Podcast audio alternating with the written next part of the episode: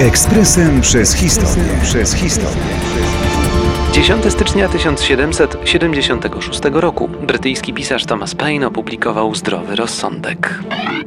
Był to pamflet polityczny o wielkim znaczeniu, przede wszystkim symbolicznym. Amerykańska walka o niepodległość potrzebowała intelektualnej podbudowy i zdrowy rozsądek właśnie to zapewnił. Paine adresował go do mieszkańców kolonii brytyjskich w Ameryce Północnej, a jego przekaz był prosty. Tak mały kraj jak Wielka Brytania nie ma prawa dalej dyktować kolonistom, co mają robić. Powinni stanowić sami o sobie.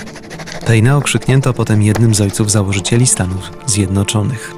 Był wszak nie tylko przywódcą duchowym czy ideologiem liberalizmu, rzeczywiście zaangażował się w ruch niepodległościowy. Gdyby zdrowy rozsądek opublikował w rodzinnym kraju, pewnie spotkałoby się to z ostrą krytyką, ale dzieło nie miałoby większego rezonansu.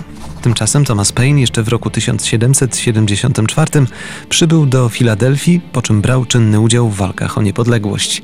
Co ciekawe, po kilku latach wrócił do Wielkiej Brytanii. Jak łatwo zgadnąć, Paine nie był tam zbyt mile widziany. Tym bardziej, że jego liberalne poglądy jeszcze się zaostrzyły, a nie wzbraniał się on zbytnio przed ich wygłaszaniem. Kiedy wydał dzieło Prawa Człowieka, zaczęło grozić mu aresztowanie. Uciekł więc do ogarniętej rewolucją Francji. Zmarł jednak w 1809 roku w Nowym Jorku, najbardziej niesamowitym mieście państwa, o którego niepodległość tak zabiegał. Ekspresem przez historię. Przez historię.